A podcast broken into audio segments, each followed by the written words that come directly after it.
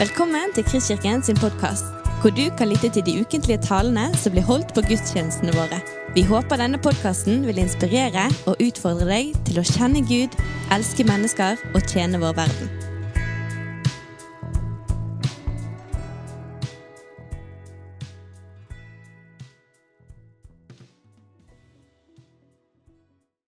Til de som ikke har sett meg før, jeg heter Håvard. Jeg er en av to pastorer her med i Eldsterådet. Har gleden av å tjene Gud og fellesskap og byen, får vi vel si, gjennom den tjenesten. Ehm, Det har vært Mission-konferanse denne helgen her i eh, Kristkirken. Kanskje noen har fått med seg det. Tiende året på rad at vi har eh, vært med å arrangere det. Og da pleier vi å avslutte eh, denne konferansen med en felles gudstjeneste her i Kristkirken. Men i år så var siste møte i går kveld. Akkurat det ble avgjort eh, litt seint dette året, at vi skulle gjøre det sånn. Så da fikk vi plutselig en gudstjeneste med valgfritt tema. Og eh, jeg kjente da at jeg ville gi noe og eh, si noe. Så jeg har lyst til å dele med alle noe jeg for en måned siden fikk dele med noen når det var Timoteus-samling her i Kristkirkens lokaler. Denne Kristkirkens bibelundervisning på fritiden. De som hørte det da, eh, kan i dag, når det nå kommer en litt sånn eh, forkortet og bearbeidet eh, variant, kan jo enten be for taler eller tilhører, ta imot på nytt, eller ta en dupp, har jeg skrevet. Ja.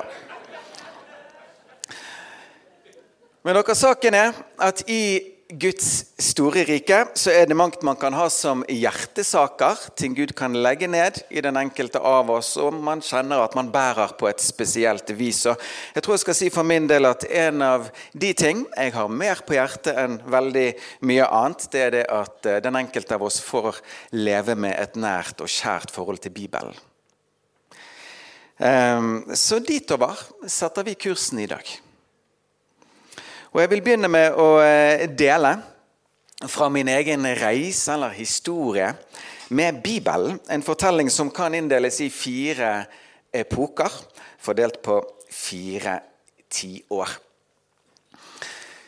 I perioden 0 til 10 år så var min bibelrelasjon mye knyttet til mine foreldre, som for øvrig er her i dag. De leste for oss barn, de fortalte til oss barn, og med bakgrunn fra navigatørene så lærte de oss også en god del bibelvers utenat. Denne, ja, memoreringsboken fra tidlig 80-tallet, med glansbilder inni, den var og er velbrukt, og flere av versene som ble oss gitt da, sitter i oss alle tre barna etter hvert voksne den dag i dag.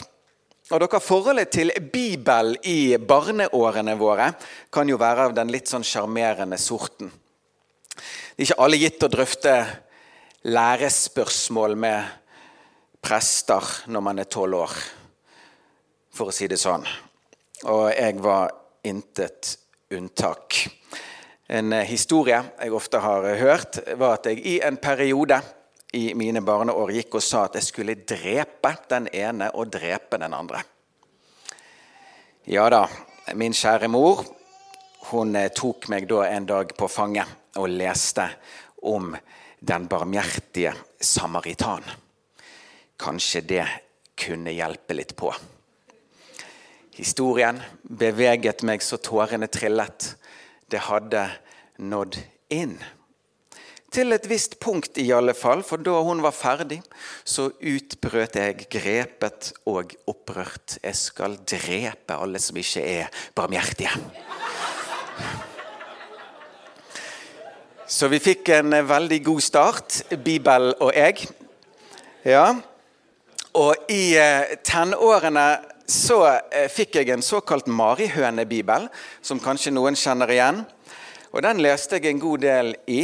Særlig etter at jeg fikk et eh, personlig møte med Jesus når jeg var 16 år. Og eh, jeg hørte mye på datidens ungdomshelt i eh, Kristen-Norge, Stefan Kristiansen. Han oppfordret oss alle til å leve radikale liv, til å leve motstrøms. Det handler ikke om hvor nærmt man kan leve verden, men hvor nærmt man kan leve Gud. Bli fremfor noe annet godt kjent med Bibelens Gud. Så om foreldre var nøkkelordet for mitt første tiår, så var nok eh, personlig forhold et eh, nøkkelord for mitt andre tiår. 20-årene, mitt tredje tiår, fikk en bibel-pangstart da jeg først fikk en ny bibel. Og så gikk jeg på bibelskole. Og jeg ble så grepet av Bibel det året der at eh, jeg brukte året derpå til å studere Skriften på egen hånd. Jeg laget skoledager med detaljerte timeplaner. Det er sånn man kan gjøre når man er singelstudent. Ja. Eh, mens jeg eh, tjente til livets eh, opphold ved å være ringevikar for bakehuset Martens. Så er det jo lagt inn. Men på slutten av det året der så ble jeg spurt om å være leder i Kanalu, ungdomsmiljøet her i kirken. og det som fulgte de neste årene der, når det kom til mitt forhold til Bibel, kan nok aller mest oppsummeres i ordet forelskelse. Jeg ble forelsket i Bibelen i mine 20 år. Vi fikk masse tid sammen, Bibelen og jeg. Gamle testamentet åpnet seg for alvor i denne tiden. Jeg lærte Filippa-brevet og Efeserbrevet helt utenat. Jeg eh, leste hele Nye testamentet inn på lyd. Hadde bare lyst til å få gå og høre på Guds ord i dette ene livet jeg har. um, og som ungdomsleder, etter hvert eldste i, i Kristkirken her, og timelærer på bibelskolen, så fikk jeg forkynne en del. og det er jo sånn at Idet man eh, skal jobbe med ordet, så mer og mer ser man jo det at det er ordet som vel så mye jobber med deg. Um, så først foreldre. Første tiåret der.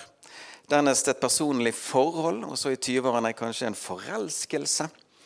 Og i 30-årene, og nå så vidt inn i 40-årene, denne siste og fjerde epoken, så er nok ordet fordypning.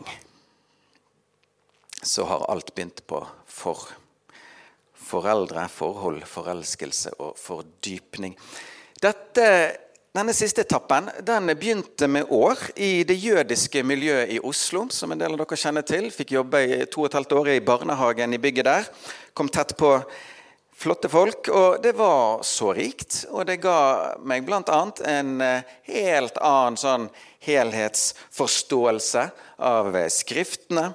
Ikke minst Gamle testamentet igjen, og det jødiske folk. og høytider og den store fortellingen, ikke minst Guds store frelsesplan i verden. Jeg hadde da òg i oppgave å tale til barna ut fra ukens Toratekst.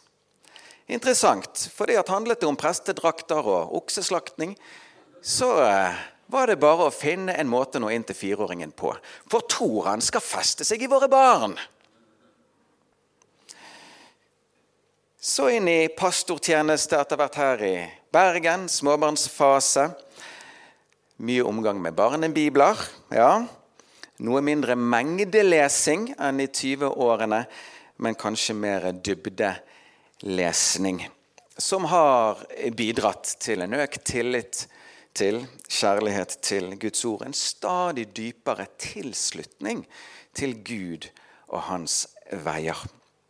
Og Det er min bønn å få være en som kjenner Skriftene og åpner de for de som er rundt meg, slik at som Paulus sier det så fint i vers 7 til Filemon der, at de helliges hjerter kan bli styrket. Og I dag så skal vi se på en lignelse i Guds ord som handler om nettopp vårt forhold til Guds ord. Og dere, Saken er at mitt forhold til denne lignelsen eh, har òg hatt ulike faser som vi med litt eh, godvilje kan inndele i fire og innplassere i de epokene jeg alt har nevnt. Og Teksten vi skal se på, er fra slutten av Bergpreken, der det står om disse to mennene som hadde så mye til felles i livet sitt. Begge bygget i hus. Begge klarte de seg greit når alt var greit. Begge opplevde de ekstremvær. Kraftig turbulens. Fullstendig utenfor deres kontroll. Likt for de begge var at når stormen kom, så var det unntakstid, ikke byggetid. For begge var det sånn at nå var det å stole på det arbeidet som allerede var gjort. Men én ting var ulikt. Veldig ulikt. Og det var fundamentet til husene deres. La oss lese. Jesus sier, Vær den som hører disse mine ord og gjør etter dem. Han blir lik en forstandig mann som bygde huset sitt på fjellgrunn. Og regnet skylte ned, og flommen kom, og vindene blåste og kastet seg mot huset. Men det falt ikke, for det var grunnlagt på fjell. Men den som hører disse mine ord og ikke gjør etter dem, han blir lik en uforstandig mann som bygde huset sitt på sand. Og regnet skylte ned, og flommen kom, og vindene blåste og kastet seg mot dette huset. Og det falt, og fallet var stort. I epoke én, i mine barneår, fikk jeg høre denne fortellingen. Vi sang jo av full hals at eh, vi ikke måtte bygge hus på sand, selvfølgelig. Sant? Og enhver barnebibel har jo en sånn illustrasjon av denne stakkaren som havner blant eh, fisker og planker og knuste blomsterpotter. Så det var fortellingen. Den kom inn da. Men dere i tenårene så oppdaget jeg mer av dybdene i dette. Lignelsen her handler, jo om store ting. Veldig dype og viktige ting. Ikke minst hva gjør jeg med Gud? Det synes klart for meg da at vi her står overfor en som var kristen, og en som ikke var det. At den kristne vil få et trygt og stødig liv, men den som ikke er det, vil få mer trøbbel. For han bygger ikke huset sitt på den ene og faste klippen, Kristus, men på det som dypest sett er usammenhengende. Jeg husker godt at jeg talte om denne lignelsen eh, på Kanalu da jeg var rundt sånn 18-19 år. Jeg sa at det å være en kristen det er som å bygge huset sitt på fjell, mens det å ikke være det, er å bygge på sand. Men ganske raskt etter så eh, skjemmet det meg for hvordan jeg hadde forsynt til ungdommene. For i mine forberedelser med denne talen og teksten, så så jeg jo at det sto om å gjøre etter dette ordet. Men det var ikke det jeg ville tale om. Så jeg hoppet galant over akkurat den biten. Og Nå tror jeg ikke den talen var liksom skrekkelig, men jeg innså i ettertid at jeg nok brukte Bibelen slik jeg fant det for godt, og med vilje hoppet over hovedpoenget. Men ok. Det ga meg verdifull læring og bidro nok til å lede meg inn i epoke tre, som fant sted i 20-årene. Da begynte jeg å se at denne lignelsen her er jo brådyp for oss som tror. Dette handler jo ikke om kristen versus ikke-kristen. Dette handler om hvorvidt man er villig til å handle på Guds ord, og ikke bare høre på Guds ord. Wow! Salme 119-112 ble et av kjerneversene for meg i denne fasen. Jeg har bøyd mitt hjerte til å gjøre etter hans forskrifter. Og mange lignende ord i Skriften sto mer og mer for meg. Du vet, Like før denne lignelsen sier jo Jesus dette. Ikke enhver som sier til meg, 'Herre, Herre', skal komme inn i himmelens rike, men de som gjør min himmelske Fars vilje. En annen gang sier han at de som gjør min himmelske Fars vilje, han er min bror og søster og mor. I Johannes 7, 17. Om noen vil gjøre Guds vilje, da skal han kjenne om læren er av Gud. Han ber oss ikke bare lære andre hva han har befalt, men å lære andre å holde det han har befalt. Jakob sier at ikke vi må bare være ordets hørere, men ordets gjørere. Og dere, I denne perioden så ble det jo da nødvendigvis behov for å dykke litt i akkurat dette. Relasjon versus regler. Loviskhet versus lydighet. Vi må jo ikke bli loviske kom over et sitat fra en mann som heter Sverre Bø, som kanskje noen av dere kjenner. Professor ved Fjellhaug internasjonale høgskole. Han sa en gang følgende om loviskhet.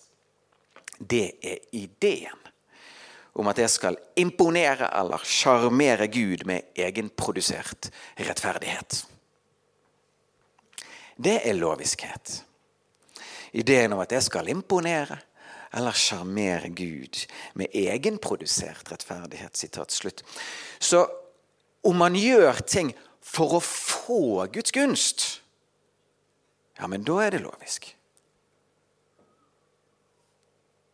Men om du handler på Hans ord fordi du har tillit til Han, da er det jo ikke lovisk. Da er det visdom.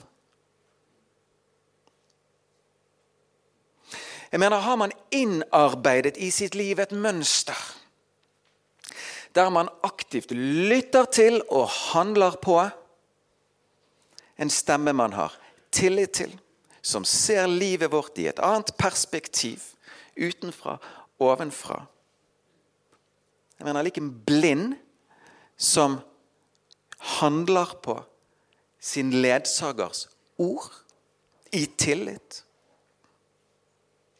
så er jo ikke det lovisk.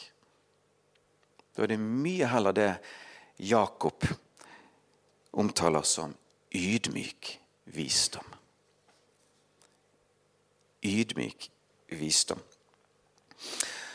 Og dere I denne perioden her, tilhørende, så fulgte òg oppdagelsen av det jeg mener er et ganske underkommunisert ordpar i Skriften, nemlig 'den som'. Jeg tror hvis du begynner å tenke litt etter, synker litt ned i det Hvor mange kjernevers i Guds ord som vi er glad i, som inneholder det ordparet der?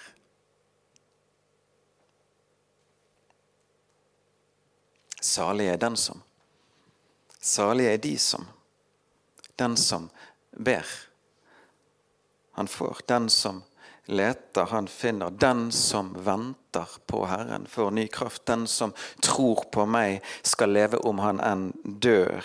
Vær den som ser på en kvinne for å begjære henne. Den som uten grunn harmes på sin bror. Den som, den som, den som, de som. Guds ord er full av det ordparet der. Så er det jo de som velger i tillit og leve i tråd med Guds ord til oss. Og så er det de som velger å ikke gjøre det. Ok. Nå i sommer fikk jeg et spørsmål om hva vi i Kristkirken gjør dersom en med lederverv velger å leve i en seksuell relasjon utenfor ekteskapet. Jeg svarte bl.a.: Personen er selvsagt fri til å velge hvor han tar veien.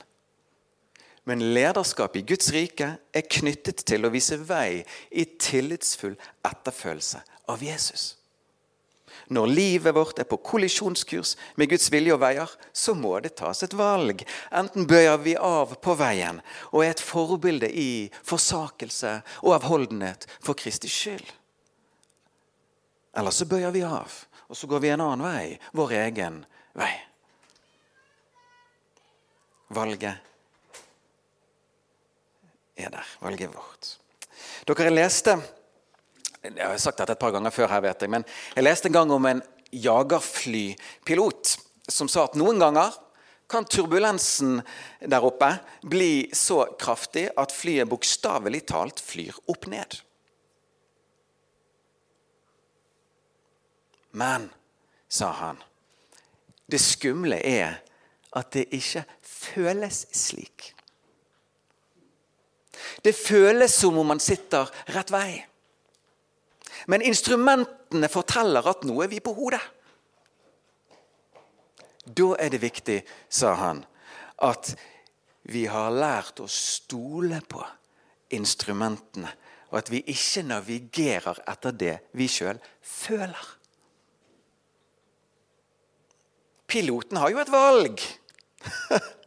Han kan navigere etter det han føler, men det kan være dødens vei. Og her nærmer vi oss nok Jesus sitt hovedpoeng. For fundamentet dere består jo dette at man før stormen har bygget inn et levemønster der man lytter til og handler på. Der man lytter til og handler på. Da vil man, når man opplever storm og tåke, få veiledning av en stemme man har tillit til. Og når det finnes en sånn stemme dere, i kommende stormer Når vi vet at den stemmen vil være der i kommende stormer, så trenger vi ikke frykte de like mye. For vi vet at den stemmen vil være der sammen med det vanskelige. Han vil tale. Han vil lede. Kan jeg få smette inn en sak her, før vi tar etappe fire til slutt? Du, I møte med den oppløsning av normer som finner sted langt inn i kirken i vår tid, og også tidligere Men dere, også tales det liksom uten opphold om at Gud elsker oss jo. Har dere tenkt på det og reflektert over det, hvordan dette er kronargumentet hele tiden? Gud er kjærlighet. Har dere reflektert over samtidig hvor taust det er om vår kjærlighet til Gud i de samme samtalene? Det er fordi at vår kjærlighet til Gud synes, ifølge Jesus, ved at vi holder Hans ord. Om noen elsker meg, da holder han mitt ord. Og Det er som om man hører en undertone her i Jesu ord, at følelser kan ta oss i ulike retninger. Det gjør jo det. Men de som midt i dette velger Gud, det er de som elsker Gud. Du vet Når Jesus sier at man ikke skal elske sin familie mer enn han, så handler jo ikke det om hva følelser som fra tid til annen kan melde seg i kroppene våre. Det handler om noe dypere. Det handler om hva som foretrekkes i valgsituasjoner.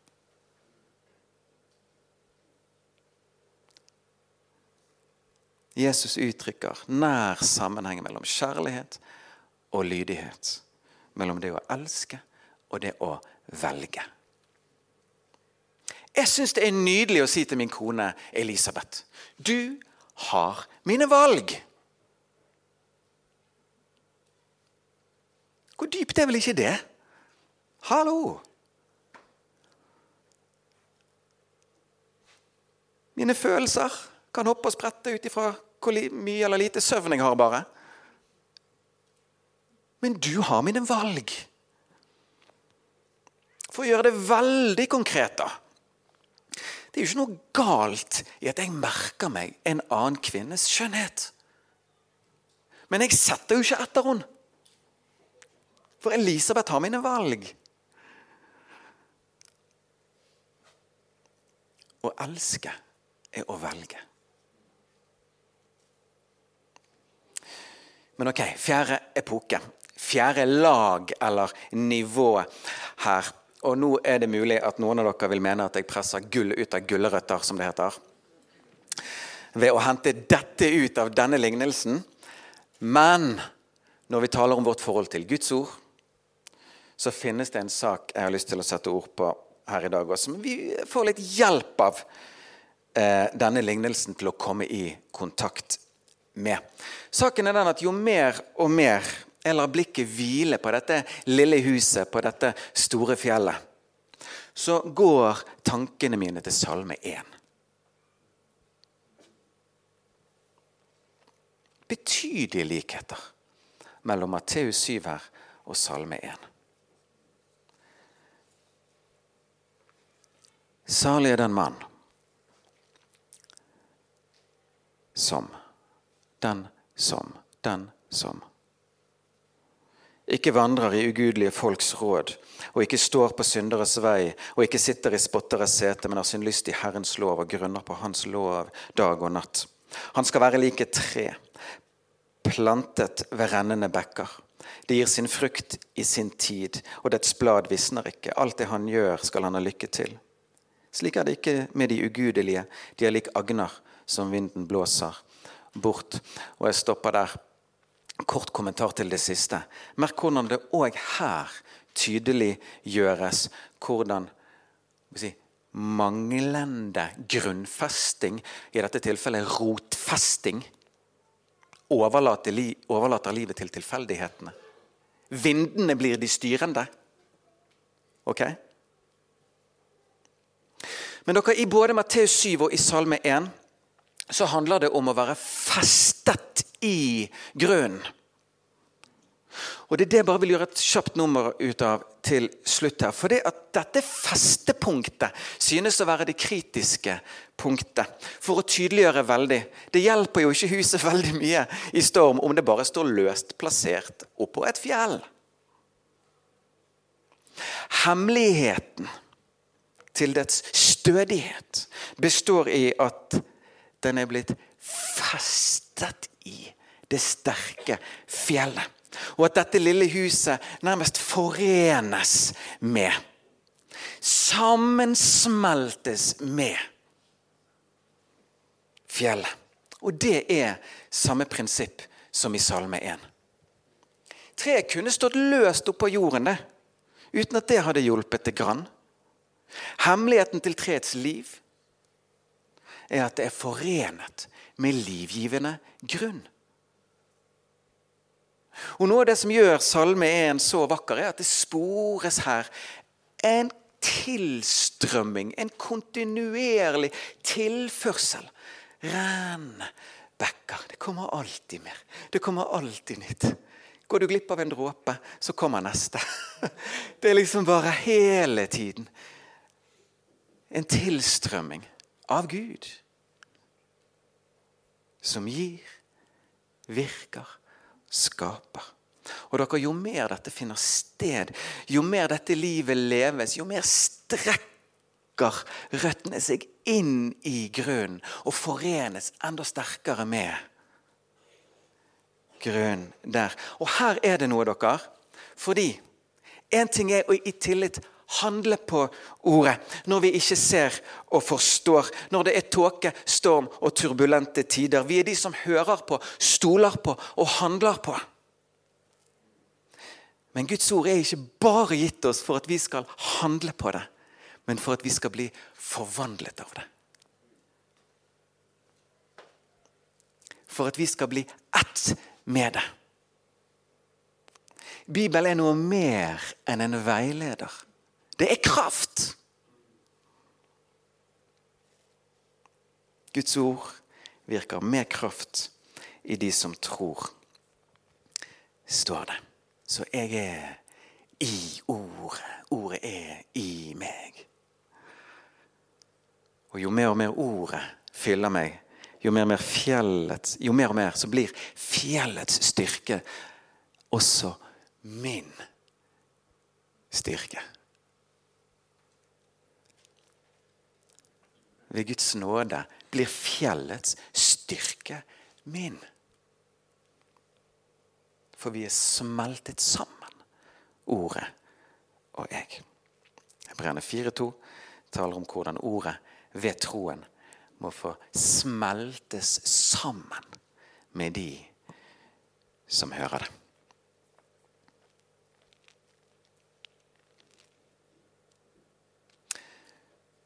Hvordan kan vi smelte sammen med ordet? Jeg tror det finnes en nøkkel i det å høre og handle på. Så vil jeg bare Jeg har skrevet en del om det her, men jeg tror vi bare lar det være. Jeg vil oppmuntre til å gjøre et studie på Salme 1. Og hva er det for noe å grunne på Hans lov dag og natt?